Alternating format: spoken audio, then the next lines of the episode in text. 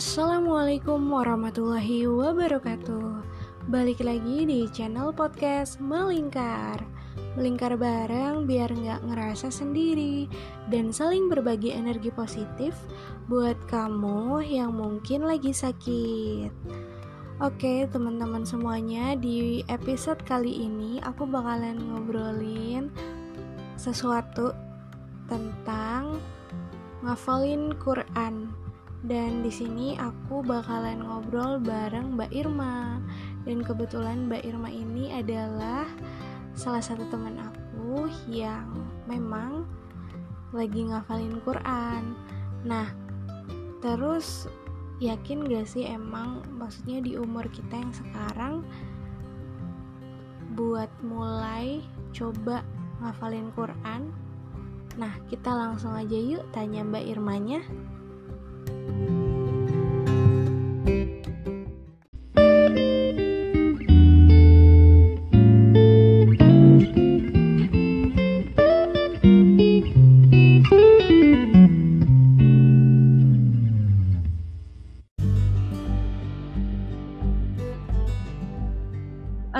Uh, Mbak Irma gimana kabarnya Mbak? Alhamdulillah, baik teh. Uh, Masya Allah, udah lama ya kita nggak ketemu, padahal kita satu kantor. Iya, lama banget. Jarak yang memisahkan, asik. Ya. Masya Allah, uh, BTW nih aku pengen tahu nih kan Mbak Irma kan sebagai seseorang yang sedang ya, sedang mencoba untuk kayak menghafal Al-Quran gitu kan. Nah, di umur. Iya, di umur yang Mbak Irma di umur yang segini gitu ya maksudnya di atas di atas 20-an ya kita bisa dibilang uh, dewasa lah ya itu uh, apa sih kenapa masih terbesit untuk kayak oke okay, kayaknya aku mau ngafal deh meskipun kayak umur kita tuh kayak udah aduh kayaknya udah udah ini banget ya udah kayak rasanya udah telat banget gitu kan kadang banyak orang-orang yang bilang kayak gitu nah kenapa Mbak Irma uh, apa namanya punya masih punya semangat gitu di umur-umur yang sekarang tuh buat terus tetap berusaha buat ngafal. Hmm, Oke, okay. uh, Bismillah. Jadi gini sih, Irma itu terbesit ngafal. Alhamdulillah waktu itu uh, ikut uh, apa kajian, ikut kajian tentang Al-Quran gitu waktu itu. Dan di situ tuh pembicaranya uh, apa ya masya allah banget gitu loh. Sampai akhirnya Irma masih ada sih bukunya Irma kayak nulis gitu berazam gitu. Ingat banget tanggal 14 Agustus 2018 kalau nggak salah. Uh, Irma tuh berazam gitu loh meniatkan diri untuk uh, mau mencoba gitu loh untuk menghafalkan Al-Quran kayak gitu. Dan dan alhamdulillah gitu loh setelah pulang kajian itu Allah pertemukan sama teman uh, yang beliau juga apa ya beliau juga lagi bertahap gitu loh untuk menghafal dan untuk belajar tahsin gitu loh. Dan akhirnya sampai Irma dipertemukan dengan beliau terus uh, Irma belajar uh, apa ya mengulang lagi memperbaiki lagi bacaan Irma gitu loh tahsinnya tahsin Al-Qur'annya kayak gitu di salah satu markas Quran gitu di daerah Pasar Minggu kayak gitu Nah, alhamdulillah sih di situ ketemu teman-teman yang apa ya lingkungan yang apa ya yang sama gitu loh, yang mempunyai visi misi dan tujuan yang sama gitu, insya Allah. Dan Irma pernah dengar waktu itu kalau nggak salah sih kajian Ustadz Abi Hidayat ya kalau nggak salah, uh, beliau bilang gitu loh uh, waktu itu ada seorang nenek-nenek uh, sekitar mungkin belum nenek-nenek kali ya, sekitar 40-an tahun lah, hampir mau setengah abad kalau nggak salah, 50-an, hampir mau menjek, menginjak 50 kalau nggak salah. Beliau itu bertanya kepada Ustadz gitu, beliau itu bertanya kepada Ustadz, e, apakah saya masih bisa untuk menghafal Al-Quran gitu loh dengan umur saya yang segini gitu loh, beliau bilang gitu, e, bertanya gitu seperti itu kepada Ustadznya. Terus kata Ustadznya, uh, apa ya menghafal itu bukan masalah umur gitu loh, tapi masalah tekad dan niat kita gitu loh. Uh, untuk apa ya dan tujuan kita tuh untuk apa gitu menghafal. Dan akhirnya uh, qadarullah uh, nenek-nenek itu uh, apa ya berazam gitu loh untuk mau menghafalkan Al-Qur'an. Dan uh, beliau selalu berdoa sama Allah selalu meminta sama Allah bahwa ya Allah jangan engkau cabut nyawaku sebelum aku bisa menghafalkan Al-Quran gitu itu aku yang ngedengernya kayak waduh masya Allah banget gitu. Dan kodarullah uh, alhamdulillahnya gitu Allah menitipkan Al-Quran itu uh, apa ya nenek-nenek itu uh, hafal Al-Quran sekitar 4 tahun kalau nggak salah deh. Jadi itu sekitar hampir mau udah 50 tahunan lebih umurnya beliau. Dan kodarullah setelah uh, apa ya beberapa hari setelah beliau hafal Allah cabut Allah ambil nyawanya kayak aduh masya Allah aku merinding banget di situ dengar kayak apa ya Allah kalau Allah sudah mengizinkan gitu loh mengizinkan dan menitipkan ayat Al-Quran gitu kepada hambanya uh, pasti ya kun gitu loh kun fayakun gitu loh. Kalau misalnya Allah mengizinkannya nggak ada yang nggak mungkin gitu loh. Ya kan? Maksudnya dengan di umur segitu gitu loh dengan di umur yang sudah uh, cukup tua gitu cukup berumur tapi uh, masya Allah gitu loh Allah masih uh, memampukan seorang nenek-nenek itu untuk menghafalkan Al-Quran gitu loh. Kalau kita pikir pakai logika kan kayak ah nggak mungkin gitu loh. Kayak ah masa bisa sih Al-Quran setebal itu? gitu kan. Ya, mikirnya pasti orang tapi tapi seorang nenek-nenek itu bisa gitu loh. Dan uh, apa ya doa yang selalu dia panjatkan kepada Allah ya Allah jangan engkau ambil nyawaku sebelum aku menghafalkan sebelum aku bisa menghafalkan Al-Quran gitu loh. Maksudnya Masya Allah banget gitu loh mulia banget nenek-nenek itu dan Alhamdulillah Allah semua apa ya doa dia mungkin niat dia tekad dia yang bulat yang benar-benar sungguh-sungguh ingin menghafalkan Al-Quran ya Alhamdulillah terkabul gitu loh sama Allah gitu Allah ijabah gitu loh dan uh, Alhamdulillah sebelum dia meninggal ternyata apa ya sesuai gitu loh dengan yang dia minta gitu loh sama Allah gitu loh. Hmm. Dia meninggal dengan keadaan sudah menghafalkan Al-Qur'an. Kayak gitu sama. ya. Ya itu sih yang masih Irman apa ya tanamin bekal sampai sampai detik ini. Dan Irma ngerasa juga uh, apa ya kenapa Irma mau menghafalkan Al-Qur'an? Karena Irma ngerasa malu gitu. Irma ngerasa malu ngelihat adik-adik kecil gitu loh yang umur mereka uh, masih cukup belia tapi yang mereka pikirkan uh, bukan bermain. Yang mereka pikirkan bukan uh, apa ya bukan uh, maksudnya enggak seperti yang anak-anak pada pada seusianya gitu loh. Uh, yang apa ya mereka memikirkan uh, untuk menghafalkan Al-Quran gitu loh dan niatnya mulia dan niatnya mereka tuh mulia gitu loh. Untuk uh, agar bisa bertemu kedua orang tuanya di surga gitu loh dengan Al-Quran ini. Itu kayak waduh masya Allah kayak Bismillah gitu loh. Maksudnya dengan berbagai Irma dapat cerita mendengarkan kisah seperti itu apa ya itu cukup buat apa ya gambaran dan sedikit mood booster sih mood booster dan motivasi untuk diri Irma sendiri gitu loh. Kayak misalkan uh, misalkan di saat Irma mikir ah ngapain sih mah udah umur segini kayak ngafal udah baca Al-Quran aja udah ini aja ngapain mesti ngafal-ngafal? Gitu kan. Umur udah ini uh, itu Irma mikir mesti Irma mempunyai jawaban gitu loh. Uh, kepada mereka yang bilang seperti itu kayak uh, punya jawaban gitu nenek-nenek yang umurnya segini aja beliau bisa kok ngafalin Al-Quran gitu kan. Kenapa Irma yang masih umur segini? Enggak gitu. Terus kayak uh, ngapain mikirin uh, terus kayak misalnya ngapain ngafal gini-gini. Anak kecil aja mereka yang belum wajib untuk sholat aja mereka memikirkan gitu loh kenapa Irma yang udah umur segini malah nggak terfikirkan gitu loh. Jadi Irma punya perbandingan gitu loh.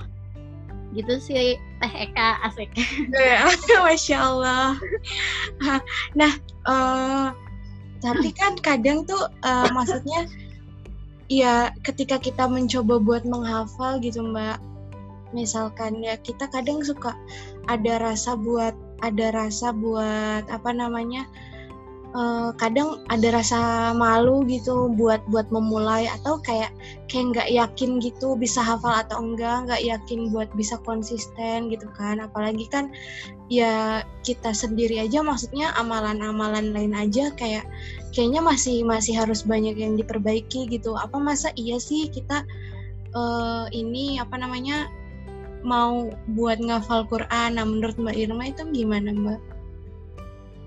Uh, jujur sih pas uh, kalau pas awal sih pas awal yang Irma berazam itu mm-hmm. uh, Irma uh, apa ya belum sempat terpikirkan sih belum sempat terpikirkan uh, apa nggak yakin gitu belum terpikirkan karena uh, pasti kan waktu pada saat itu tuh Irma lagi apa ya bener-bener semangatnya gitu loh masih masih semangatnya tuh masih terbakar gitu loh untuk bener-bener yeah uh, niatnya masih ini gitu tapi waktu pas di pertengahan jalan sempat sih sempat ada ngerasa ya Allah kok cuman di sini-sini aja? Ya Allah kok nggak maju-maju? Ya Allah kok maksudnya sempat ngerasa ada sempat ngerasa kayak gitu. Aduh kayak nggak yeah. yakin deh nggak yakin bisa deh kayaknya. Iya yeah. nah iya maksudnya di situ kayak kayak ya paling du muter-muter terus loh di jus 30 hmm, gitu. iya, surat-suratnya itu itu lagi itu itu lagi. Iya, iya. misalkan udah maju nih ke jus selanjutnya tapi kok ngerasa jus yang sebelumnya ya kok jadi lupa ya kok jadi ini gitu. Terus kayak ya udah akhirnya Irma sempat stop berapa berapa hari itu ya sempat stop berapa hari nggak nggak ngafal tapi merujaahnya tetap jalan nggak ngafal tapi merujaahnya tetap jalan terus uh, nanya ke ustazah gitu loh ya lo uh, apa uh, ustazah Irma punya perasaan kayak gini nih gitu kan ngerasa kayak kok susah banget ya ngafal kok uh, susah ini ya. Terus ya udah ustazah tuh bilang gitu loh coba uh, apa ya perbaiki niat Irma coba dilurusin lagi. Mungkin di tengah jalan kemarin-kemarin Irma sempat belok niatnya. Oh ya ustazah. Terus dia juga bilang mungkin ada maksiat yang Irma lakuin. Terus Irma ya udah uh, uh, dia bilang mungkin ada maksiat yang Irma lakuin katanya gitu. Terus uh, mungkin uh, di sini Allah kepengen uh, apa ya bukan ngelihat Irma bukan kepengen ngelihat banyaknya hafalan Irma tapi Allah kepengen lihat bahwa uh, secinta apa sih Irma sama Al-Quran sedekat apa sih emang Irma niatnya mau sama Al-Quran gitu loh. Mungkin Allah masih kepengen dengar lantunan murojaah Irma gitu loh. Mesti setiap harinya gitu ngulang-ngulang hafalan kayak gitu. Okay. soalnya kan kalau misalkan kita ngulang-ngulang juga kan uh, apa ya maksudnya itu tetap maksudnya yang penting kita setiap harinya itu ada selalu ada interaksi gitu loh sama Al-Quran gitu loh. Dan akhirnya setiap Irma lagi ngerasa futur, lagi ngerasa nggak mau ngafal, nggak ini Irma selalu ingat omongan Ustazah gitu loh. Maksudnya Irma selalu jadinya kayak muhasabah diri lagi, kayak ngerasa, oh iya apa gue tadi ada ngelakuin maksiat ya, apa gue tadi ada ngelakuin dosa nih, kayak gitu. Maksudnya sampai akhirnya ini nggak ini Al-Quran nggak masuk nih gitu loh, kayak gitu. Sama Irma juga pernah denger sih uh, ada Ustadz kalau nggak salah pokoknya denger di kajian Al-Quran gitu uh, ada yang bilang uh, oh Ustadz Adi kalau nggak salah deh. Sebenarnya tuh kita uh, apa ya bukan sebanyak apa kita menghafal Al-Quran gitu loh bukan sebanyak apa kita menghafalkan Al-Quran uh, juz apa ya satu Al-Quran gitu satu mushaf gitu loh uh, 30 juz gitu loh kita hafal gitu.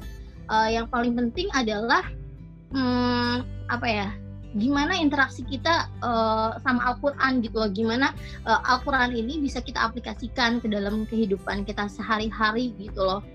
Kayak gitu sih mbak gitu. Soalnya ya berarti percuma seorang hafiz atau hafizoh gitu loh yang sudah hafal Al-Quran 30 juz tapi perlakuan uh, apa ya perilaku atau apa pun yang itu tidak mencer tidak mencerminkan dengan Al-Quran yang beliau hafal kayak gitu gitu sih teh. Jadi Tapi... jangan pernah jadi jangan pernah malu jangan pernah ini maksudnya uh, terkadang katanya uh, misalkan ditanya udah berapa juz gitu kan. Ya biar saya sama Allah lah yang tahu kayak gitu kan. Uh, terus ada yang mungkin uh, kepengen walau alam ya maksudnya kita juga nggak tahu kan gimana hati manusia gitu loh. Ada yang mungkin kepengen dilihat gitu loh udah hafiz udah hafiz gitu loh. Tapi ini nggak uh, sesuai gitu loh. Nggak apa ya pokoknya katanya tuh nggak apa-apa kita berlomba-lomba gitu loh. Misalkan wah dia udah ini nih aduh kayak kita harus ngejar gini gitu. Maksudnya eh, nggak uh, apa-apa lah berlomba-lomba dalam kebaikan kan fastabiqul khairat gitu tapi uh, tetap gitu loh niat kita dilurusin lagi gitu. Jangan sampai kita kepengen udah ini maksudnya balap-balapan banyak-banyakan hafalan tapi Eh, nggak uh, sesuai gitu loh dengan niat awal kita. Kayak gitu sih kalau okay. misalkan kita nggak hafal-hafal kita nggak ini nggak apa-apa. Kita uh, maksudnya kayak berpikir positif aja. Mungkin uh, apa ya Allah ngasih kita kayak gini maksudnya situasi yang lagi kayak gini kepengen uh, lihat dulu nih gitu seberapa seriusnya sih seberapa emang bener cintanya nggak sih kita sama Al-Quran gitu loh. Mungkin ya Allah masih kepengen apa ya kita merujaah sering-sering merujaah karena kan menghafal itu bukan karena banyak-banyaknya Al-Quran kan, tapi merojaahnya itu seumur hidup gitu sampai kita mati gitu loh. Iya, masya Allah. Ini maaf ya Mbak, kalau di belakang tuh ada suara-suara yang nggak enak soalnya ya. kayaknya depan lagi ada pengamen gitu ada pengamen kayak gitu santai banget tapi gini mbak aku kayak membu apa ya tadi kan Mbak Irma bilang kalau misalkan kayak kita mau mau ngafal itu uh, kadang kita ya udah nggak apa-apa nggak usah banyak-banyak. Yang penting hafalannya narap daripada kamu hafal hafalan banyak tapi sama sekali nggak narap. Nah itu ibaratnya nggak menerapkan itu nggak ke diri sendiri gitu kan ya. Kan maksudnya ada yang berstatement kayak gitu. Nah apa menurut Mbak Irma tuh lebih baik yang mana? Maksudnya apakah kita sedikit-sedikit tapi uh, itu diterapkan di dalam diri kita atau ya udah kita uh, kayak tadi tuh kayak berlomba-lomba bener-bener kayak kayak ada target semisal kayak gitu ya. Tapi kayak cuman sebatas hafal aja tanpa kita paham kayak maksud artinya gitu kan. Ini tuh kayak gimana? Bahkan nggak nggak nggak diterapin kayak gitu. Menurut Mbak Irma tuh kayak gimana? Kalau menurut aku kan Al-Quran itu ada ada apa ya Al-Quran itu kan ada haknya ya. Untuk kita baca untuk kita dengarkan untuk kita tadaburi gitu loh untuk kita tadabur gitu loh isi Al-Qurannya untuk kita pelajari juga tafsirnya dan untuk kita amalkan dan untuk kita ya amalkan uh, isi Al-Quran itu ke dalam kehidupan sehari-hari kita gitu. Karena Al-Quran sendiri itu adalah kitabullah gitu loh perkataan Allah dan Al-Quran ini adalah panduan pedoman hidup kita gitu loh untuk menjalankan kehidupan kita setiap harinya dari bangun tidur sampai kita tidur lagi gitu loh dari kita dihidupkan dan sampai kita dimatikan gitu loh. Semuanya itu sudah dituliskan gitu loh sudah ada di dalam Al-Quran gitu loh. Tapi e, gimana kita mau nggak gitu loh, untuk mengikutinya kayak gitu kan. Jadi kalau menurut Irma sih maksudnya pribadi Irma sendiri sih kalau pribadi Irma sih e, sendiri sih jujur Irma lebih baik uh, apa ya sebenarnya kalau punya target kita penting gitu loh. Karena di dalam apa ya kita belajar Al-Quran juga penting banget kita punya target kayak gitu. Uh, apa tapi tetap juga di bentar tetap juga di ini lagi. Wait. Hmm, ya? oke okay. masya Allah. Luar biasa ya. Terus kira-kira Mbak ada nggak uh, motivasi gitu? Ah maksudnya kesan pesan atau nasihat buat kita nih yang mau belajar Al-Qur'an, yang mau niat bener-bener buat ngafal. Nah, itu uh, ada nggak maksudnya uh, pesan dan kesannya kayak gitu? Pesan dan kesan untuk Iya, buat teman-teman gitu, buat aku khususnya gitu yang aku mau misal uh, apa namanya pengen ngafal Quran nih kayak gitu. Tapi kayak aduh ya gitu kan kadang suka ada malesnya gitu kan. Apalagi bagian murojaah tuh kayak gitu. Kalau kalau udah bagian murojaah tuh berasa kayak aduh gimana dan harus harus harus bener-bener kayak gimana ya caranya gitu. Ada nggak sih pesan dan pesannya gitu buat kita biar tetap selalu semangat gitu buat ngafal? Hmm, oke. okay uh, Bismillah. Jadi uh, gini sih, mungkin buat pribadi Irma juga sih, kalau misalkan kita mau ngafal, yang penting tuh pertama ya itu sih niat gitu loh.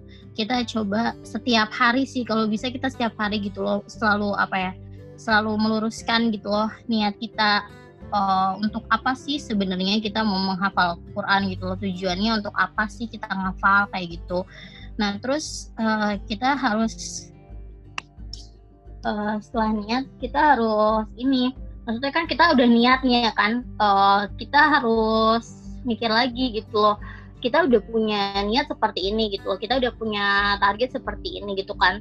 Terus uh, di saat kita lagi putur dan di saat kita lagi down gitu loh, di saat kita lagi males, kita harus uh, balik lagi ke niat kita gitu loh. Kita harus mikir lagi, oh iya dulu gue uh, mulai uh, dulu kita tuh mau mulai menghafal tuh karena apa sih? Oh karena kepengen dikumpulin nih sama sama orang tua kita di surga gitu kan. Terus uh, bakalan kita bakalan kayak mikir lagi. Terus kenapa nih kok sekarang uh, saya males gitu loh padahal uh, saya belum mencapai nih tujuan saya untuk uh, misalkan uh, belum mencapai tujuan saya untuk uh, bisa bersama dengan kedua orang tua, bisa memberikan mahkota gitu loh, belum tercapai gitu loh sampai ke tujuan itu. Terus uh, dengan alasan apa untuk kita tuh uh, ngerasa males, ngerasa futur kayak gitu loh, ngerasa nggak uh, mau lagi ngafal kayak gitu. Kenapa kayak gitu gitu loh? Sedangkan dulu awal kita tuh niat kita, giroh kita, semangat kita tuh masya Allah banget gitu loh untuk ngafal gitu. Jadi kalau aku sih kalau di saat aku lagi males, males murojaah, males ngafal, itu aku pasti bakal balikin lagi ke niat gitu.